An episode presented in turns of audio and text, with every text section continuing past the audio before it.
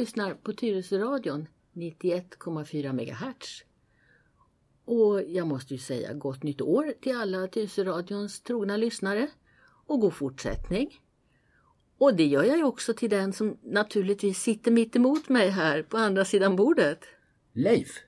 Leif! Ja, han, han, han har inte avgivit några nyårslöften. De spricker alltid. Har du gjort det? Ja, jag vet inte om jag törs erkänna det. Men det har att göra med det här programmet. För ska man göra ett sånt program som det vi gjort idag, då blir åtminstone jag tvungen att avge lite nyårslöften. Och dessutom hade Läkartidningen, mitt husorgan, alldeles före jul en artikel om läkarnas nyårslöften och hur många som håller sina nyårslöften av läkarna. Och det var ganska många. Så att jag har en viss press på mig både att avge ett och att hålla det. Vill du inte säga vad det är då? Nej, vi tar, vi tar programmet först. Vi tar programmet först, okej. Okay. Ja, för det här är ett ganska knepigt program som jag har, jag har våndats lite. Idag så heter temat, eller det, det är så här att förra året, 2015, då gjorde vi ju program om kroppen, hur den funkar. Eh, men vi berörde sjukdomar väldigt lite. Men nu måste vi börja prata lite granna om hälsa och sjukdom och förebyggande. Och då måste man ju börja med det som är störst, viktigast, tyngst och det heter metabola syndromet. Om man ska vara lite lustig då, då skulle man kunna säga så här, vikt i gast, alltså vikt. Ja. Övervikt. Och störst betydelse. Ja. Och tungt vägande skäl. Så att det här är ett riktigt tungt program. Ja. Mm. Vad, vad, metabola syndromet, säger det dig någonting? Alltså det enda koppling jag gör det är ju någonting alltså, matsmältning, alltså det har med mat att göra. Alltså, ja, matsmältning då? Mm.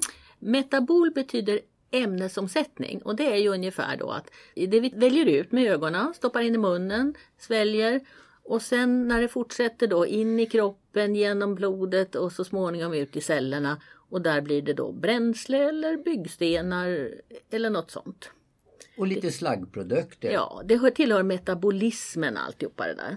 Ämnesomsättning sa du? Ja. Okej. Okay. Syndrom då?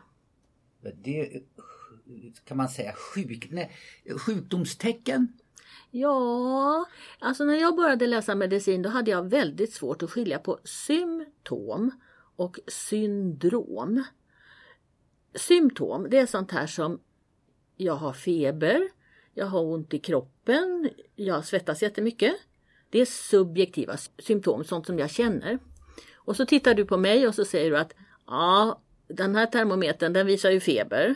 Och hon ser ut att ha ont. Och känns så kallsvettig hon är. Då är det objektiva symptom. Men syndrom, det är när man lägger ihop de där sakerna i liksom ett paket. Eller en blombukett eller vad vi ska använda för tjusig metafor. Och många gånger när man i medicinhistorien så börjar det ju med att någon, det var alltid gubbar, samlade ihop sådana här symptom och så sa de att de människor som har såna, en sån här bukett, de har min sjukdom och så gav de dem konstiga namn som Cushings sjukdom och Conce syndrom och ja, det som lever kvar idag är väl Downs syndrom. Men, är det mongolism det? Ja. Och eh, det finns en del sådana här konstiga namn men idag försöker man komma bort ifrån de här personnamnen. Några är så väl etablerade så att de har kvar men då säger man Alzheimers sjukdom eller Parkinsons sjukdom. Och när det gäller det metabola syndromet då har man för länge sedan lämnat den ursprungliga gubben som, som gav namn åt det. Och idag så pratar man om ibland så kallar man det för insulinresistent syndrom. För att om vi börjar från slutet så det man tror att det här alltihopa beror på, som vi nu ska ägna en halvtimme åt, så är det att insulinet som hjälper sockret in i cellen. Insulinet funkar som en liten nyckel och öppnar så att sockermolekylerna kan komma in och vara bränsle i våra celler. Och av någon anledning så kärvar den där nyckeln så att det behövs mer insulin hos de som har ett metabolt syndrom. Och det är alltså i varje cell, inte bara i, i eh, fettceller, muskelceller och så, utan alla celler behöver lite mer insulin för kroppen har på något vis utvecklat en motståndskraft mot den här nyckeln. Och det är ju ganska allvarligt. Ja. Det, det drabbar hela kroppen. Ja, alltså jag, men jag får väl trösta mig med då att jag är så okunnig. Men alltså jag trodde ungefär så här, folk som blir eh, överviktiga, om det är rätt term nu då. De åt för mycket, trodde jag. Ja, det är ju en del. Den här, det här syndromet består av flera delar och nu ska vi börja bena upp det. Ja. Och det som alltid måste finnas för att få, man ska få kalla det för ett metabolt syndrom, det är midjan. Eller rättare sagt, de, de här personerna ser ut precis som jag, saknar midja. Och istället har ju då jag, man kan ju säga bilringar eller volanger eller kärlekshandtag finns det en del som kallar det för. Men det är alltså, det putar ut istället för att markera inåt. Man är mer eh, konvex än konkav. Precis, man ser ut som en sån här gubbe som mitt fyraåriga barnbarn ritar där det är bara en stor mage och så är det tunna streck till armar och ben. Ja, det är Michelin-gubbe. Precis. Man behöver inte vara riktigt så fyllig som en Michelin-gubbe. Eh, man tar sitt måttband och då ska en kvinna, hon ska stanna på 80 centimeter runt midjan. Och det lovar jag dig, det var länge sedan jag kom i 80 centimeter. Och en man han får vara lite rundare om magen, han får vara 94 centimeter. Och det var länge sedan jag var 94 centimeter runt min mage. Så att bukfetma mäter man då med måttband. Men får jag bara fråga då så här. eh, Spelar det någon roll om man är 1,56 lång eller 1,93 lång? Ja, det gör det. Och Alltså jag menar, på något sätt måste det tillåtas att midjemåttet följer med lite längden. Och vi som då är lite kortare och dessutom lite bredare om baken, vi får använda måttbandet på ett ställe till. Vi får mäta stussen, det vill säga rumpan.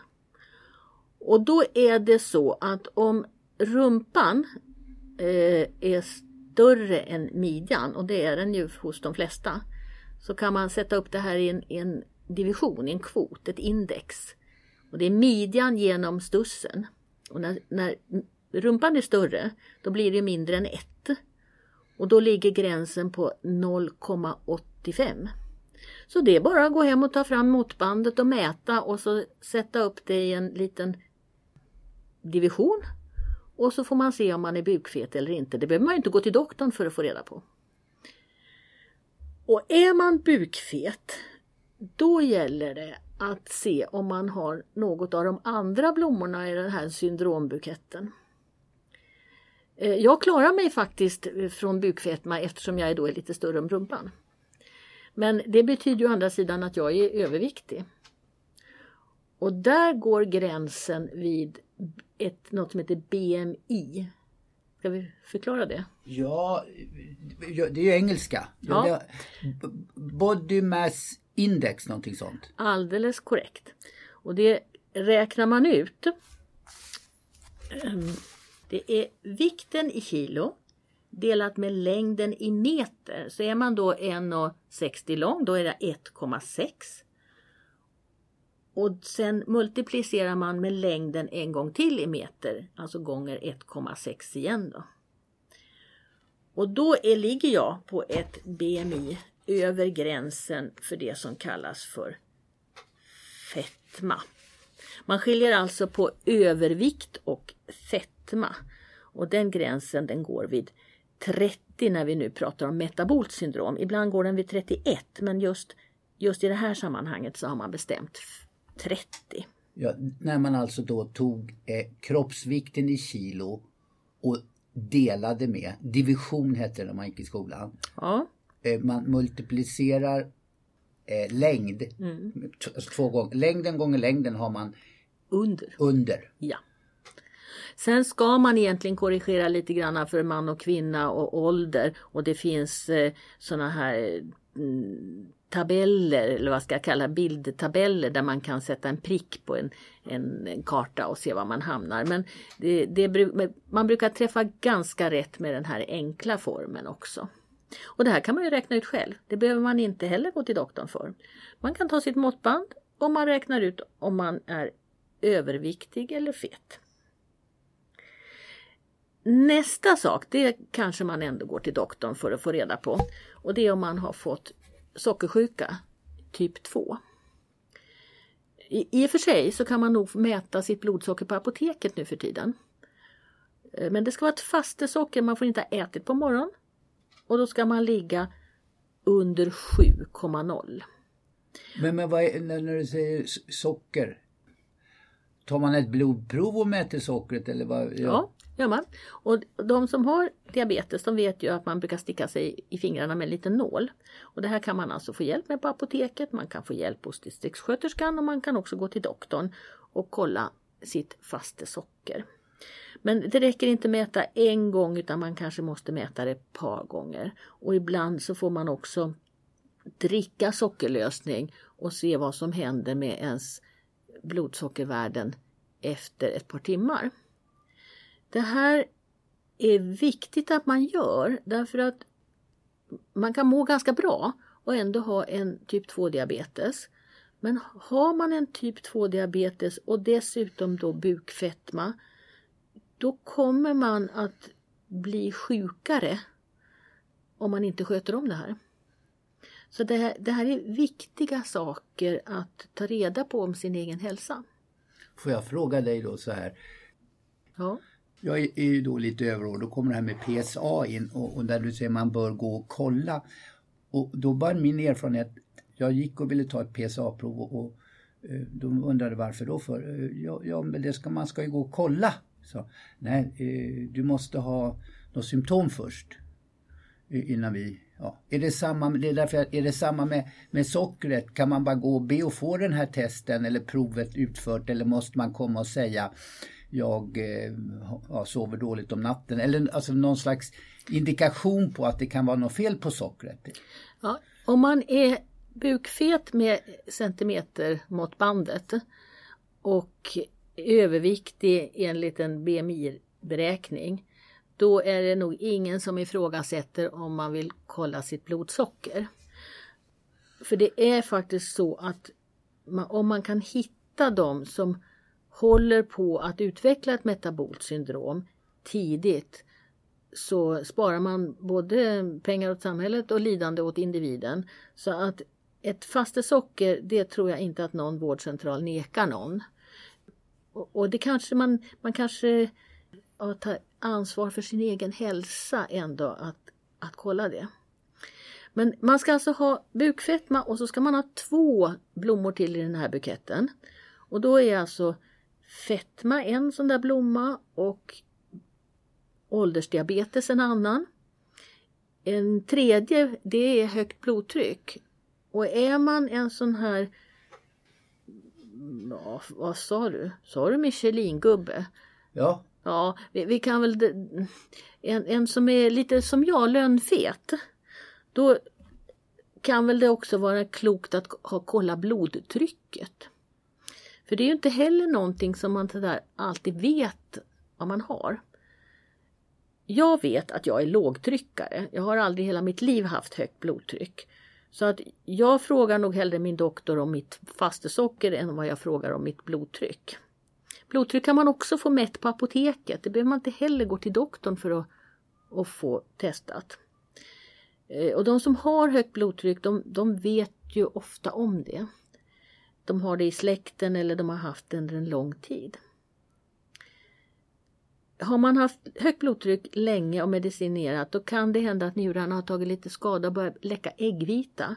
Och det är också en sån där sak som är jättelätt att kolla med en testremsa och det finns också på apoteket. Det behöver man inte heller gå till doktorn. Utan man kan kolla om man kissar äggvita med en sån här remsa från apoteket. Det var ungefär som man hade kemi i skolan, så här indikatorpapper man pratade om. Man Ja, det blir- doppade ner i, i då den här lösningen så kunde man se pH-värdet. Men här kan, finns det då någon sån här remsa för att se äggvita då. Ja, och det byter färg på en liten ruta. Men man kanske ska säga så här, nu är jag kanske jättedum, men alltså vi kallar det äggvita, men det är inte att jämföra med när vi har stekt ett ägg, att man ser några vita grejer i Nej, urinet. utan det byter färg på den här lilla rutan. Ja.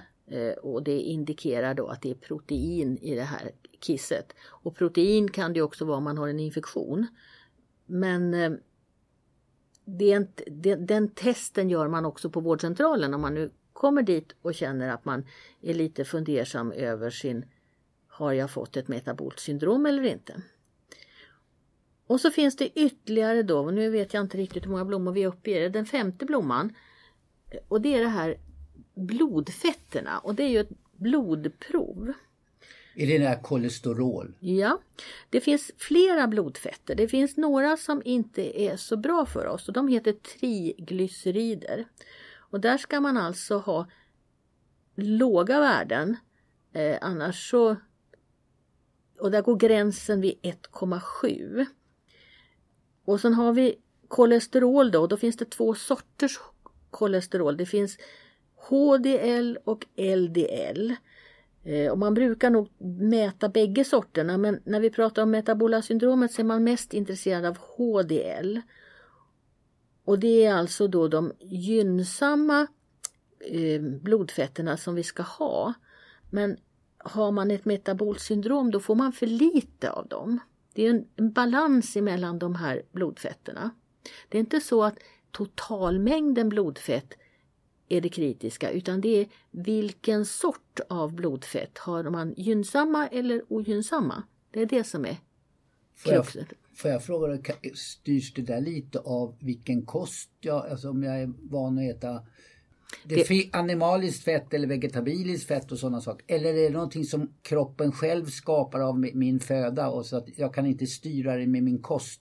Det här kan man styra med sin kost. Ja, Och det här är en av de viktiga sakerna. Och jag då som är lite lönnfet och eh, ännu inte har ett metabolt syndrom men ligger lite i riskzonen.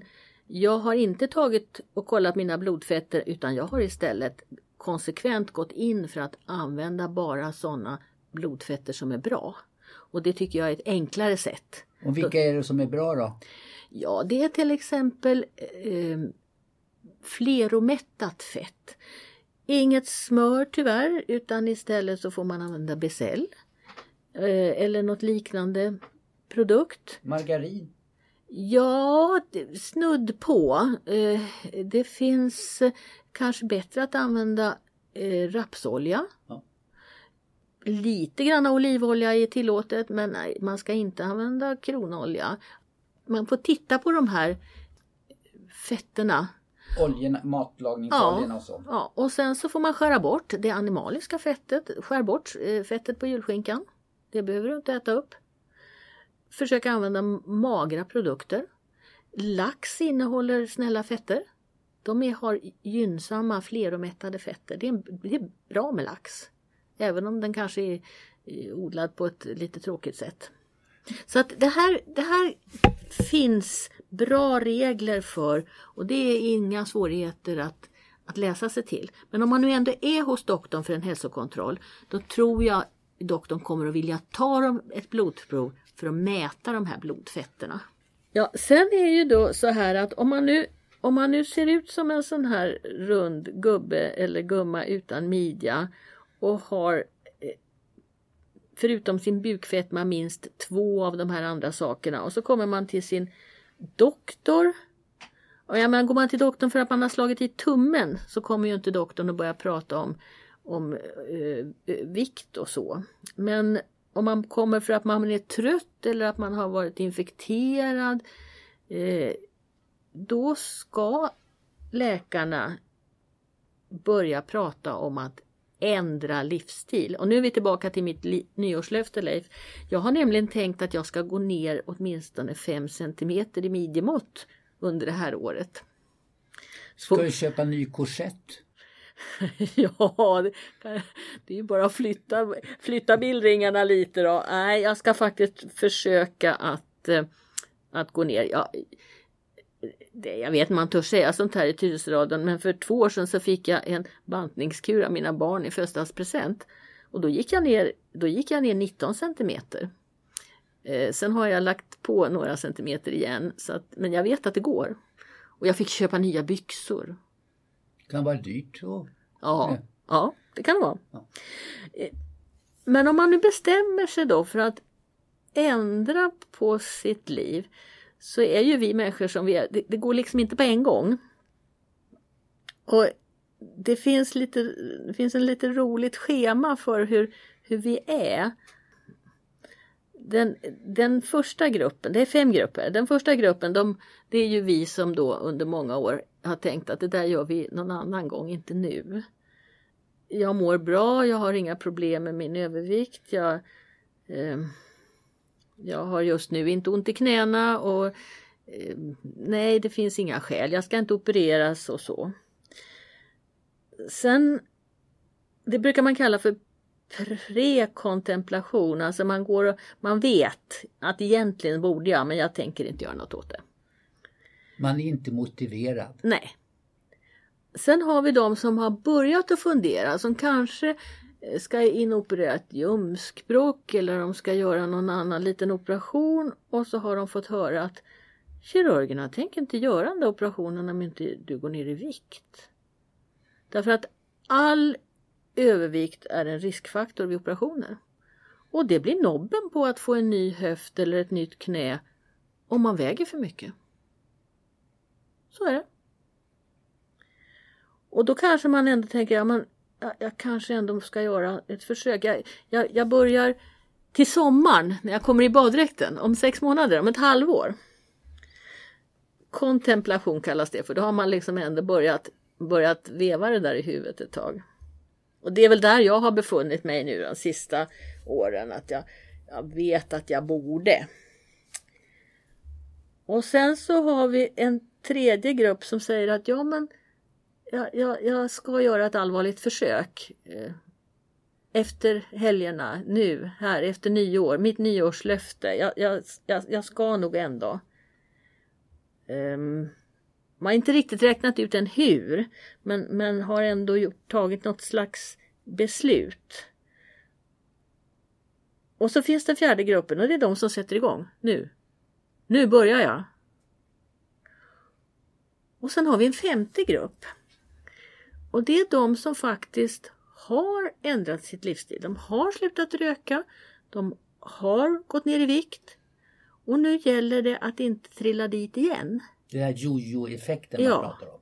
Och det är nästan den viktigaste gruppen. De här som har lagt ner så mycket kraft och energi och upplevt vad mycket trevligare det var nu då, för att köpa nya byxor i en mindre storlek och, och kunna röra sig bättre och till och med kunna börja springa.